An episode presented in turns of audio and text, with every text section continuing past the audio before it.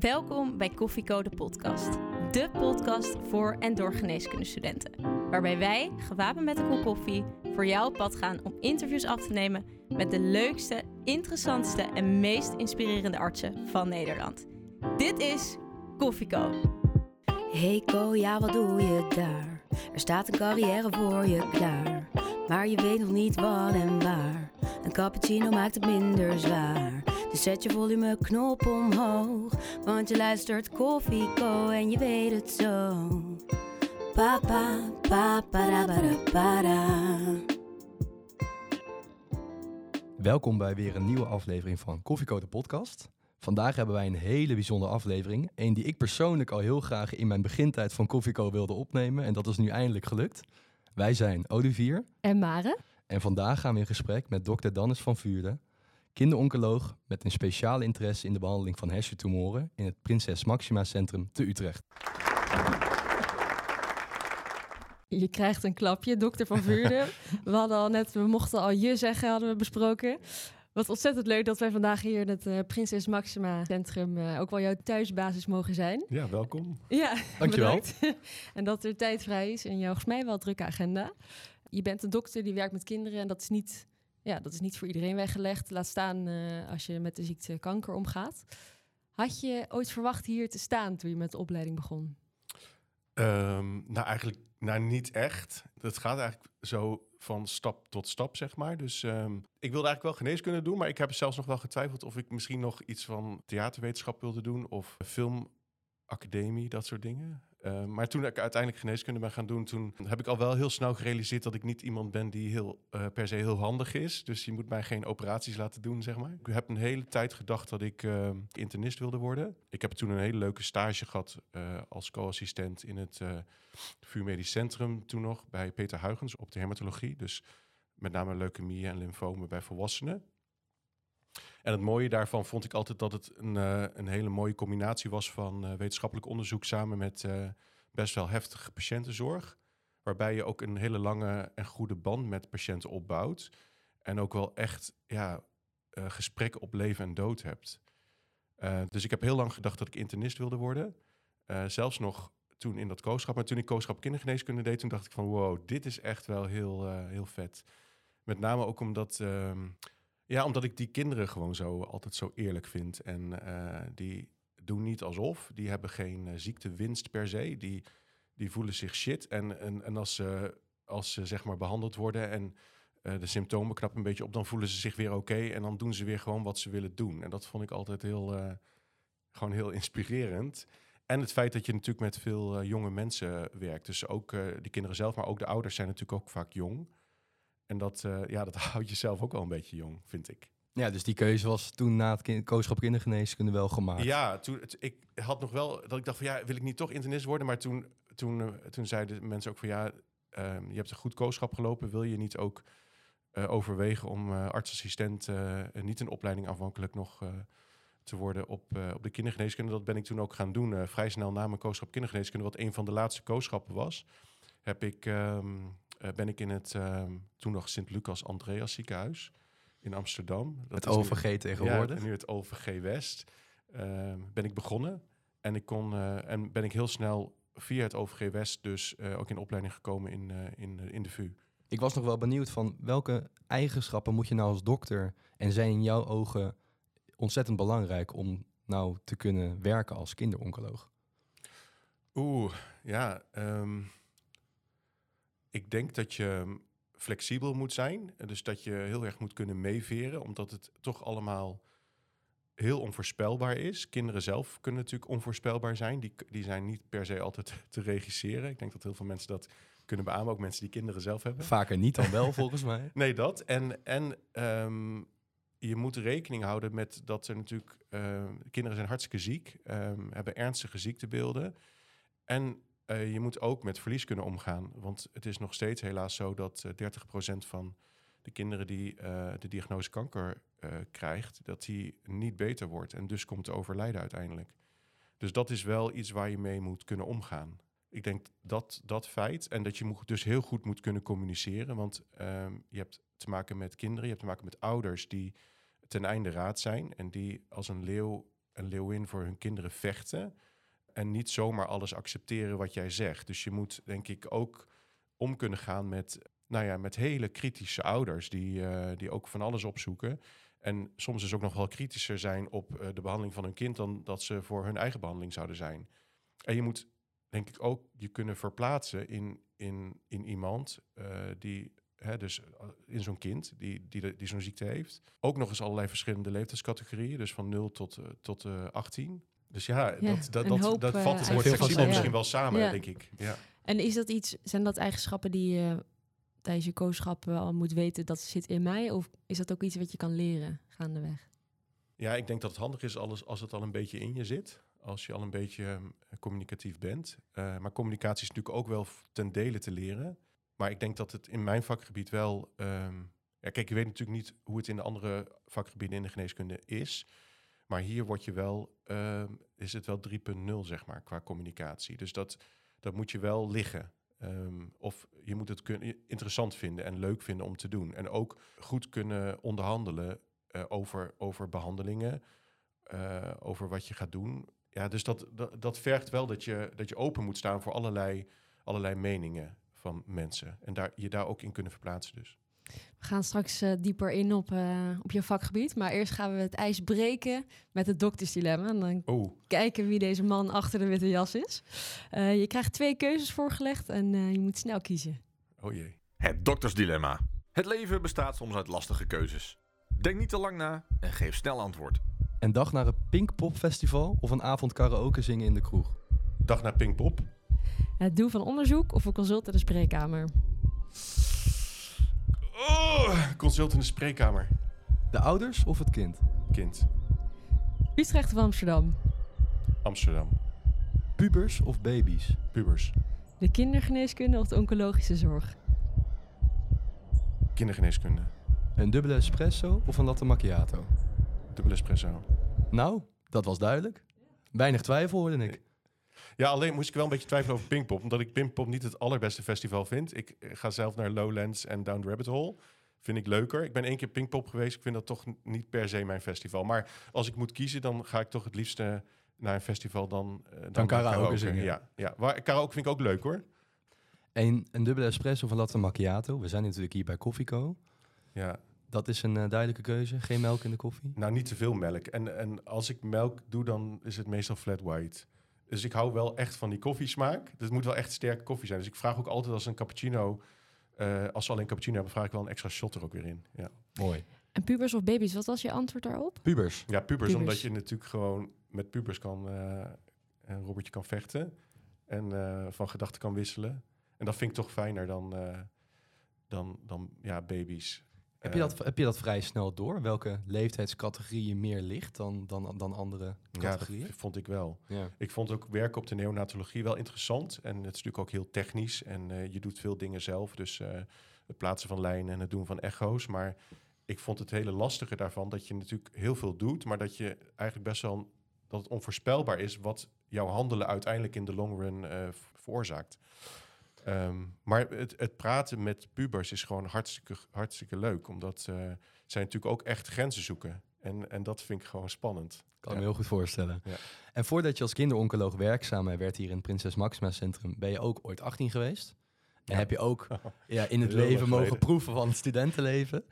Heb je deze, hoe heb je deze periode ervaren? En wat komt als eerste bij je op als je terugdenkt aan je studententijd? Ja, feesten.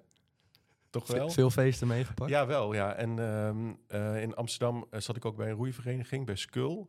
Dus ehm, ik vond Skull een leuke studentenvereniging, omdat dat meer mellow was. Er zaten ook meer mensen van de hogeschool op. Dus het was een wat, wat gemeleerde publiek. Eh, en dat vond ik heel leuk. Om daar, ik heb daar overigens ook meer gefeest dan geroeid. Ehm, en, en daar ook wel weer, ook wel weer grappig, daar ook, een toneelgroepje weer opgericht in de, in de roeivereniging. Dus eh, daar gingen we met een groepje mensen gingen we absurdistisch ton- toneel eh, doen. Om toch die interesse voor het theater weer, te, weer zeker. terug. Ja. En werd er dan ook meer gefeest dan gestudeerd? Nou, ik, ik heb wel echt ook wel gestudeerd hoor. Dus ik was, ehm, ik, ik vond het wel belangrijk om al mijn eh, tentamens wel te halen. En eh, dus ik heb altijd daar wel dat wel bovenaan gezet. Maar gelukkig is het me gelukt om en te feesten en, eh, en te studeren en het te halen. Dus dat was wel heel... eh, Die combinatie Heel ging je goed af. dat ging me gelukkig goed af. En uiteindelijk begon jij je kooschapperiode. Ja. Hoe vond je deze, deze periode in je leven? Ehm, ja, ik vond het best wel zwaar, omdat je natuurlijk ineens eh, best wel geleefd wordt. Je moet op tijd ergens verschijnen en dan lange dagen soms maken. Ook soms echt veel klusjes doen. En, ehm, en het lag een beetje aan het kooschap of ik het, hoe, ja, hoe leuk ik het vond, zeg maar. Er waren kooschappen bij die ik minder vond. En met name de klinische kooschappen vond ik juist weer heel leuk. Dus ik vond het heel leuk om in, in een ziekenhuis te werken. Schiet er dan iets naar boven, een herinnering die je hebt van je kooschappen?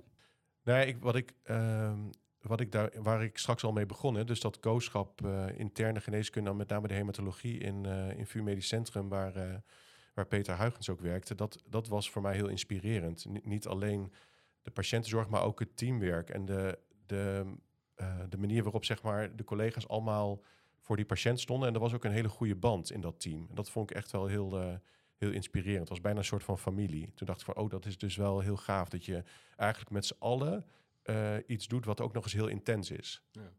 Beetje als een dubbele espresso, zeg maar. Mooie vergelijking.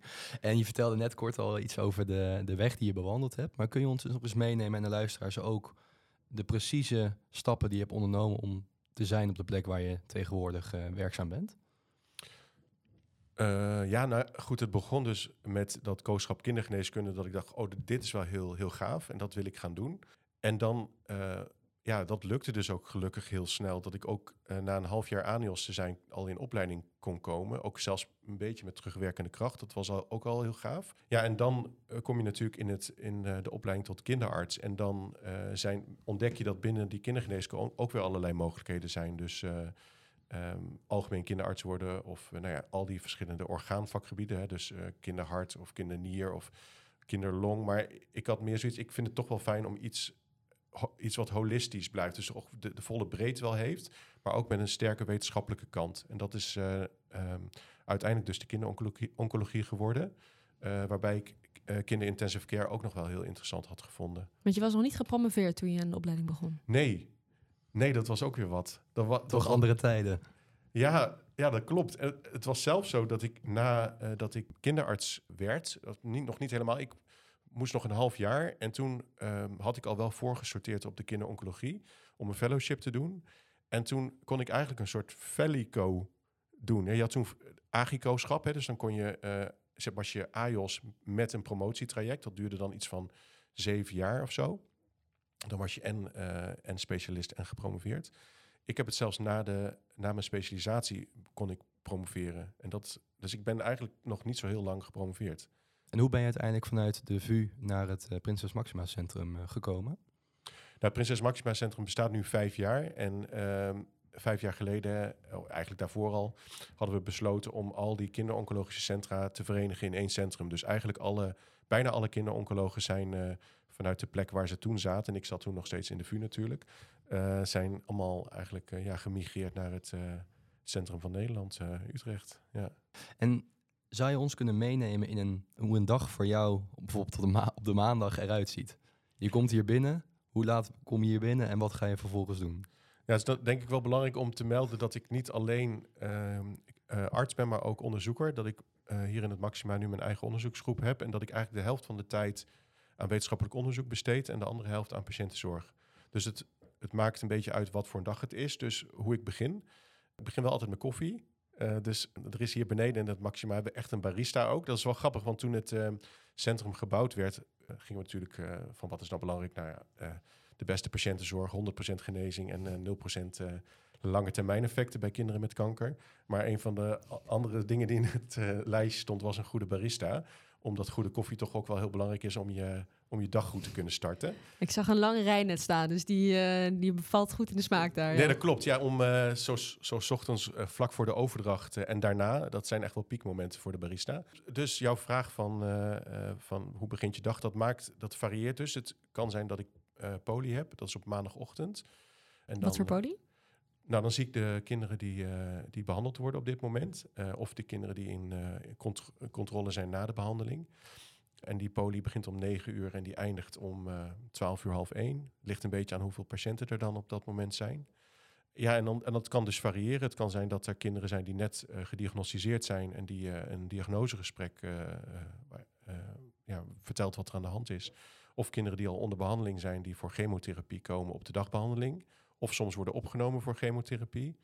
En er zijn kinderen die al klaar zijn met de behandeling, die in controle zijn, waarbij, nou, waarbij je natuurlijk lichamelijk onderzoek doet, maar waarbij er ook regelmatig een scan wordt gemaakt om te kijken of de tumor er ja, hopelijk nog steeds weg is. Dus dat is heel variabel.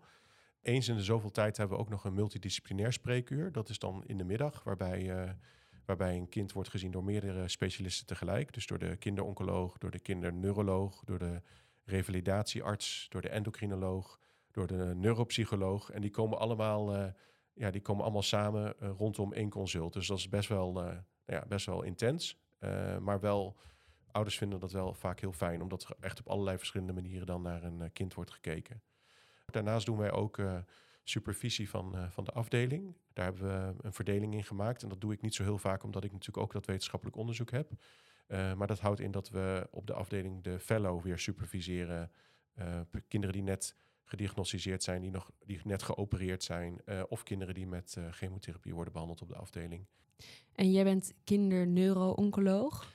Ja, dus toen het centrum vijf jaar geleden werd uh, opende, toen is eigenlijk gekozen voor een, um, voor een verdere deelspecialisatie.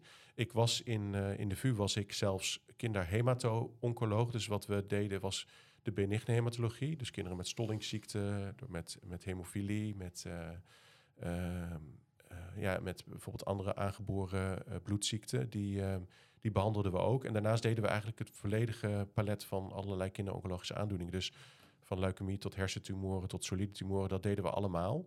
Uh, maar omdat we natuurlijk echt een super specialistisch centrum zijn geworden, is gekozen dat, uh, dat er weer op thema's um, werd gewerkt. En ik ben dat dus nu kinderneuro-oncoloog geworden, waarbij ik dus alleen kinderen met hersentumoren nog maar behandel. En niet meer leukemie en ook geen solide tumoren. En ja, heel specialistisch, ja. Uh, zoals je eerder aangaf. Is er nou binnen de kinderoncologie ook ruimte voor fouten? Zeker omdat je juist met kinderen te maken hebt. Ja, is er ruimte voor fouten? Ik denk dat we in ieder geval ons bewust zijn dat, uh, dat er fouten gemaakt kunnen worden. Of dat dingen in ieder geval niet gaan zoals ze hadden moeten gaan. Uh, dus we hebben ook echt een kwaliteitsfunctionaris in het Maxima werken. We hebben ook complicatiebesprekingen. Dus wanneer we wanneer we dingen zien die gebeurd zijn die anders hadden gemoeten, dan gaan we dat op een hele gestructureerde manier gaan we dat uh, bespreken we daarover. En ja, een fout is ook weer zo'n woord. Hè, dat daar zit een soort van kan een soort van beschuldiging in zitten. Dus daarom zeg ik het altijd liever van dingen zijn niet gegaan zoals ze zijn gegaan. En, en daar kijk je dan kritisch naar. En, uh, want in wezen is het ook zo dat ieder kind wat nog steeds overlijdt aan kanker, is natuurlijk ook ergens dat je denkt, ja, dat had ook niet gemoeten. Hè? Dus, uh, en daar praten we ook over. Dus ik denk dat het medisch-inhoudelijke eh, aspect is denk ik belangrijk. Van, hadden we een andere approach moeten kiezen, een andere behandeling of een andere volgorde van behandeling of andere supportive care, dat soort zaken. Maar ook wel de, de meer psychische kant van wat, wat doet het met je als, um, ja, als toch nog steeds 30% van de kinderen overlijdt. Dus ik denk dat uh, ja, daar is hier in het maxima wel heel uitgebreid uh, aandacht voor, inderdaad. En wat ik me ook afvroeg is, kinderen is natuurlijk een heel ander vak dan de volwassene geneeskunde. En uh, het doel is natuurlijk curatief, maar waar trek je de grens in de behandeling bij, ja, bij kinderen, als je dat vergelijkt met volwassenen? Ja, waar trek je de grens? Ik denk dat je altijd moet zorgen dat je uh, realistische verwachtingen vertelt aan ouders. En dat je ook niet maar moet doorgaan om, uh, om een kind in leven te houden als daar uiteindelijk geen kwaliteit van leven meer overblijft. Maar we zijn natuurlijk best wel, we gaan best wel ver. En als je ook kijkt naar, uh, als je iets vergelijkt met volwassen geneeskunde, dan is het ook zo dat we kinderen in principe veel meer en zwaardere behandelingen kunnen geven dan, dan volwassenen. Uh, en dat is omdat ze een, eigenlijk een veel betere lichaamsfuncties hebben. Dus hun lever- en nierfunctie die zijn veel beter dan, dan wanneer je ouder bent. En daardoor is ook het, het, de overleving zo goed. Maar daarvoor betaal je dus wel een, een prijs, soms een tijdelijke prijs. Op het moment dat je ze behandelt, dat ze heel ziek worden, misselijk worden. Ze worden kaal, ze worden regelmatig opgenomen met, uh, met koorts uh, en een infectie die dan weer behandeld moet worden. Maar dat doe je allemaal omdat je weet dat in de, op de lange termijn die kinderen beter worden en met een hele goede kwaliteit van leven. Maar het wordt natuurlijk lastiger als, ehm, als de ziekte terugkomt en, ehm, en, er, de kans op, op beter worden veel minder groot is. En soms aan je gevraagd wordt, ook door ouders, om, om behandelingen te starten die eigenlijk geen bewijs, waar geen bewijs voor is. En dan, dan, ja, dan vergt dat echt wel goede communicatie met, met het team en met de ouders. Eh, wat, wat precies het doel is. Ehm, maar het is lastig om in algemene te zeggen waar trek je de, de grens. Ja. Ja. dat is natuurlijk voor iedere, ieder geval wel weer een, een aparte discussie. En hoe, hoe werkt dat? Of heb je misschien een voorbeeld van een kind wat behandeld moet worden, waarvan de behandeling dus niet zeker is of het werkt? Nou ja, kijk, zeker bij de hersentumoren is het zo dat je. Er zijn heel veel verschillende soorten. Dat is ook anders dan bij volwassenen. Want bij volwassenen heb je grofweg genomen drie grote hoofdgroepen die, eh, die, die, er, die veel voorkomen. Laaggradig glioom, hooggradig glioom of glioblastoom en eh meningiomen. Dat zijn eigenlijk de meest voorkomende bij volwassenen. Maar bij kinderen zijn het wel veertig verschillende soorten. Eh, dus daar, sommige soorten die hebben een hele hoge overlevingskans, echt rond de 95 procent. En sommige hebben 0 procent. Dus hersenstamkanker, waar, waar ik me ook in het, in het wetenschappelijk onderzoek in specialiseer, is, is nog maar 0 procent. En die kinderen krijgen wel radiotherapie, omdat, ze, omdat dat tijdelijk de kwaliteit van leven verbetert en ze in ieder geval eh, eh, ja, nog wel zes maanden langer kunnen leven dan zonder radiotherapie. Maar dat is natuurlijk ook een, een, een discussie met ouders. Wil je, wil je dat of wil je dat niet eh, als er geen kans op overleving is? Ook dat zijn moeilijke discussies. Ik vroeg me ook af, hoe doe je dat als er een verschil is in mening tussen het kind en de ouders? In hoeverre je gaat voor een behandeling. Want ik kan me voorstellen, ouders doen alles voor hun kind. Neem aan dat ze het maximale eruit willen halen van de behandeling en misschien ook heel ver willen gaan. Maar stel, het kind denkt er toch anders over. Hoe, hoe pak je zoiets aan? Ja, dat is, dit is iets wat we niet heel vaak zien. Je merkt toch wel vaak dat kinderen in, in lijn zijn met hun ouders. Zeker als ze heel jong zijn, dan zijn ze natuurlijk heel loyaal aan hun ouders. En hun ouders die bepalen dat ook voor hun. Dus daar, daar doen ze. ehm, ja. Maar als, als kinderen wat ouder worden, rond de 15, 16, 17, en eh, daar een andere mening over kunnen hebben, wat dus niet vaak gebeurt, ja, dan houdt dat ook weer in dat je daar open en transparant over praat. En, en vraagt, maar wat, wat bedoel je daar precies mee? En dan is het toch wel vaak dat door dat gesprek dat mensen toch wel weer op één lijn komen. Het komt ook wel eens voor dat, eh, want jij zegt ja, ouders die gaan natuurlijk eh, maximaal voor, voor hun kind. Er komen zijn natuurlijk ook wel ouders die heel kritisch vragen stellen van ja, moet dat wel die chemo of moet dat wel die bestraling? Want die zien ook de, de bijwerkingen van dat soort therapieën. En, en hoeveel procent kans is het geven van chemotherapie dan meer dan als we dat niet doen? En, en dat zijn ook best wel ingewikkelde gesprekken. De ouders die ervoor kiezen om geen therapie of minder therapie of soms ook hele eh, experimentele of alternatieve therapieën te kiezen. Hoe kijk jij er zelf naar? Ja, ik, ik, ik denk dat het dan heel belangrijk is om ook daar weer gewoon te proberen te begrijpen waarom die ouders daarvoor kiezen. En ik denk dat ehm, wat, je, wat je als dokter en ouders verenigt is dat je het beste wil voor dat kind. Alleen moet je denk ik goed met elkaar eh, in overleg van wat is dan het beste voor, voor jouw kind. Dus die communicatie 3.0 waar je het over Ja, had. Ja, die ja. komt dan weer terug. ja. Dat, ja, en, en, en ik, denk, ik vind dat dus super interessant. Maar dat is ook soms heel ingewikkeld. En je wordt soms ook echt geconfronteerd met je met eigen ethische dilemma's daarover. Je komt in je werk talloze casussen eh, tegen van bijzondere verhalen, kinderen en met moeilijke situaties.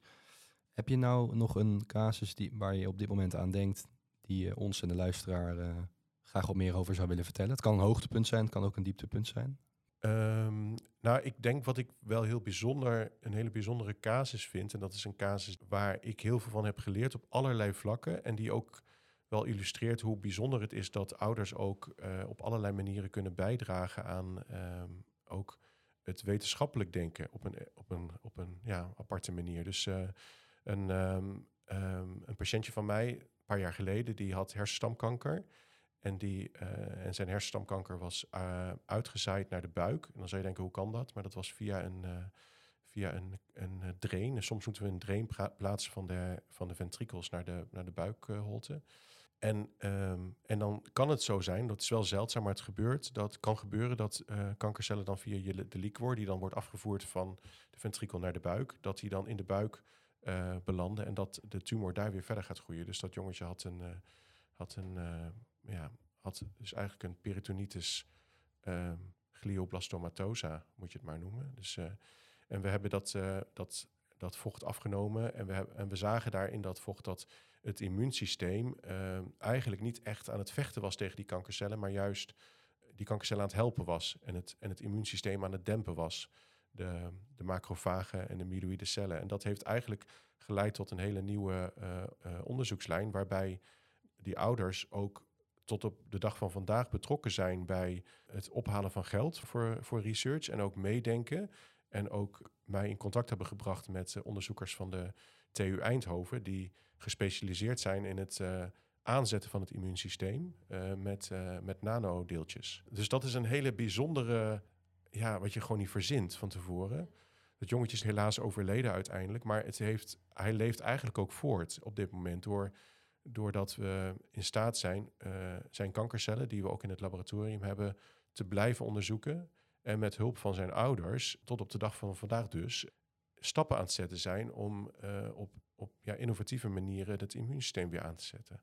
Je maakt natuurlijk heel veel dingen mee. Waar, waar hou jij voldoening uit in binnen je werk? Ik haal voldoening uit als ik iets voor andere mensen kan betekenen. Dus als ik merk dat, ehm, dat ouders en kinderen in de ongelofelijke ellende waarin ze zitten, toch het gevoel hebben om geholpen te kunnen worden. Dan daar, daar haal ik voldoening uit. En ik haal natuurlijk voldoening uit als een kind beter wordt, zonder, zonder veel bijwerkingen. Ehm, maar ja, ook als dat niet lukt en als een kind komt te overlijden, dat je dan achteraf hoort van eh, we zijn dankbaar voor, eh, voor hoe, de, ons, hoe de begeleiding is geweest. Daar, daar haal ik dan wel voldoening als ik iets voor iemand anders heb kunnen doen.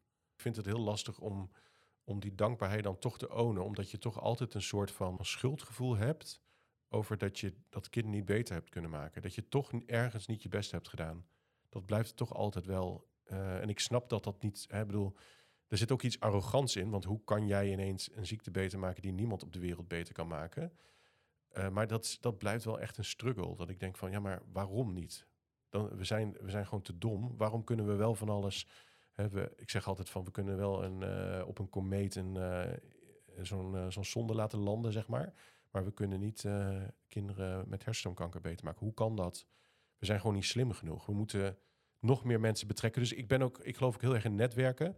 Daarom vind ik ook zo'n podcast leuk. Dus ik hoop ook altijd dat er mensen luisteren die zeggen van, ja, maar dan ik kan op mijn manier ook weer bijdragen. Want ik denk juist door samenwerking en door je te verbinden met mensen die, die, die juist niet in jouw wereldje zitten, daardoor kom je verder.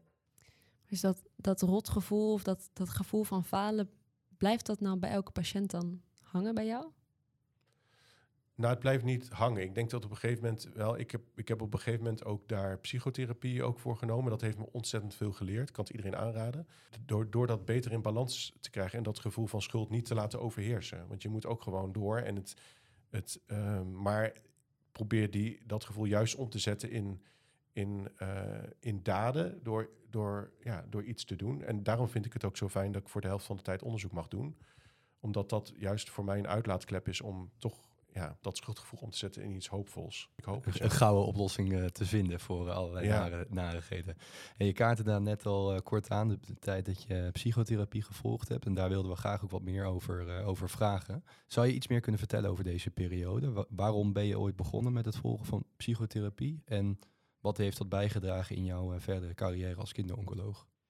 Ja, ik ben eigenlijk voor het eerst tussen aanleidingstekens in aanraking gekomen met psychotherapie toen ik dertig was toen kwam ik toch wel in een soort van burn-out terecht. Uh, ik had heel veel dingen tegelijk die daar moesten. Dus ik was bezig met mijn promotie. Ik was bezig met mijn fellowship. Daarnaast waren er ook nog een aantal persoonlijke dingen. Uh, uh, we wilden kinderen krijgen, dat lukte niet heel snel. Uiteindelijk is dat allemaal goed gekomen. Maar dat waren allerlei zaken die, waarvan je het gevoel kreeg van... dingen lukken mij niet of zo. Of het lukt allemaal niet. En toen ben ik toch wel in een soort van depressie ook geraakt. En toen ja, ben ik gewoon, ja, ben ik toch bij een, een aanvankelijk uh, psycholoog gekomen en uiteindelijk ook een psychotherapeut, waar ik heel veel aan heb gehad. Ik had, ik had dat echt nooit gedacht. En dat was een soort van, uh, dat waren dan van die sessies waarbij je dan op zo'n bank moest liggen en die zat iemand dan achter je en die zei, mm, mm, goh, weet je, dat soort dingen. En je gaat dan toch praten en over jezelf nadenken. Dus het heeft me ontzettend veel geleerd. Dus ook was ook heel zwaar. Maar ik ben er eh 300% beter uitgekomen, zeg maar. Heeft het lang geduurd voordat je die stap hebt gemaakt? Nou, het was toen gewoon nodig, want ik, ik kon echt nog maar heel weinig toen. Was echt een hele vette burn-out.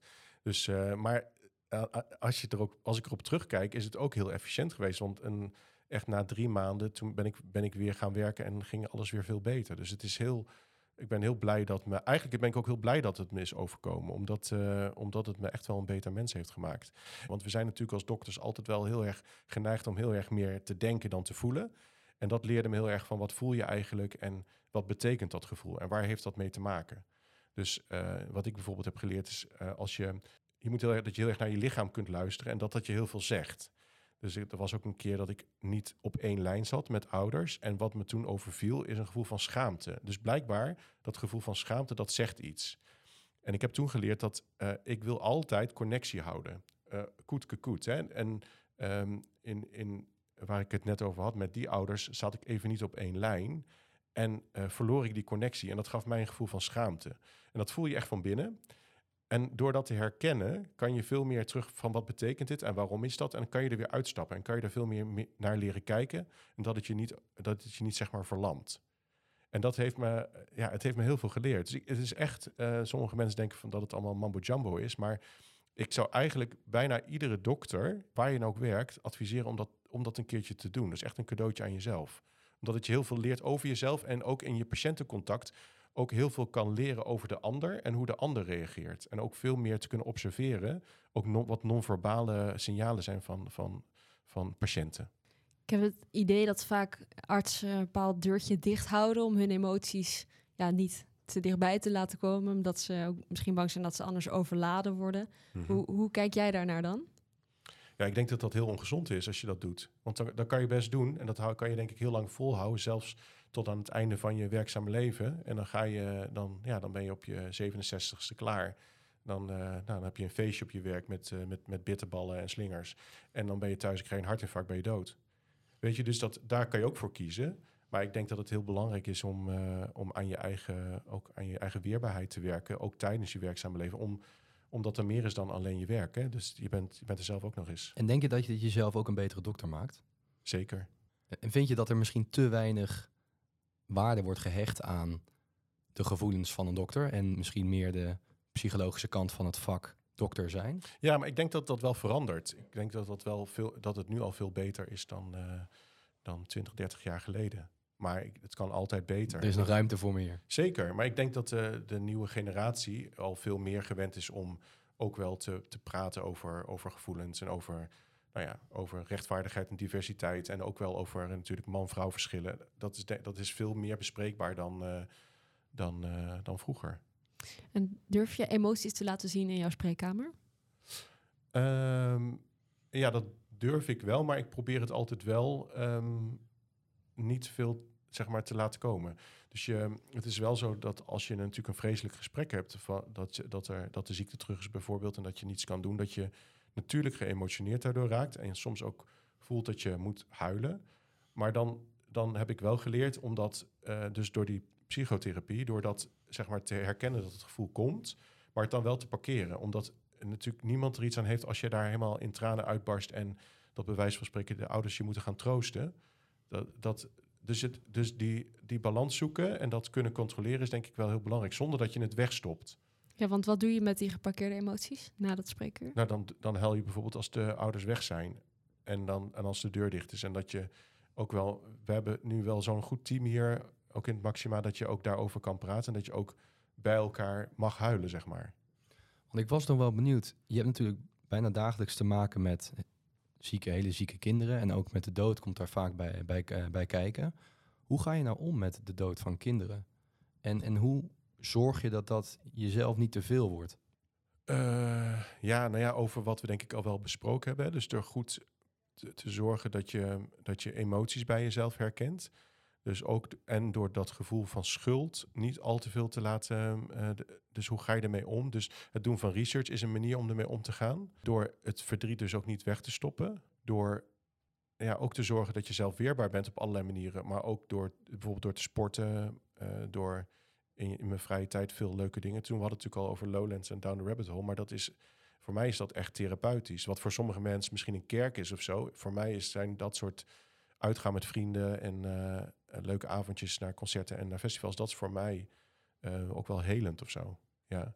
En denk je soms wel eens, wat heb ik een rot vak gekozen? Ik ga wat anders doen. ja, zeker. Ja, dat denk ik wel eens. Ja, dan doe ik het toch niet. nee, ja. Uiteindelijk is dit toch wel het allermooiste, vind ik. De mooiste combinatie die ik me kan wensen. Dus het eh, behandelen van kinderen en ouders. En daarnaast dat wetenschappelijk onderzoek te mogen doen. Heb je dat ook nodig, dat onderzoek erbij? Zeker, ja. Als ik dit alleen moest doen, dus alleen maar eh, de hele week van 9 tot eh, of van 8 tot 5 kinderen met uh, hersentumoren alleen maar behandelen en verder niks daarnaast, dat zou ik niet kunnen, nee. Als je nou om, eh, nou, je hebt misschien een vroege dag, je bent om vijf uur klaar. Ik denk dat het ook heel vaak eh, later is.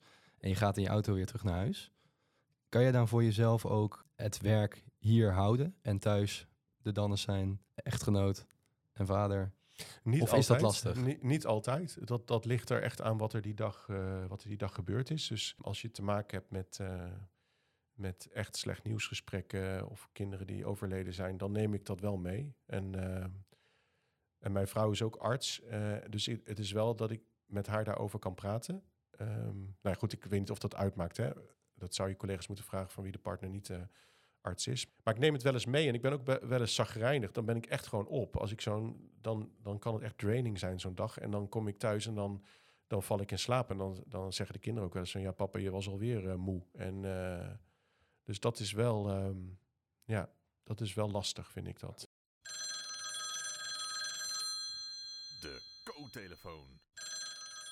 Ja, we hebben een, eh, eh, een vraag ingestuurd door een van onze luisteraars, eh, van Reli. En haar vraag is, hoe informeren jullie patiënten en de ouders van patiënten over de lange termijn bijwerkingen van chemotherapie?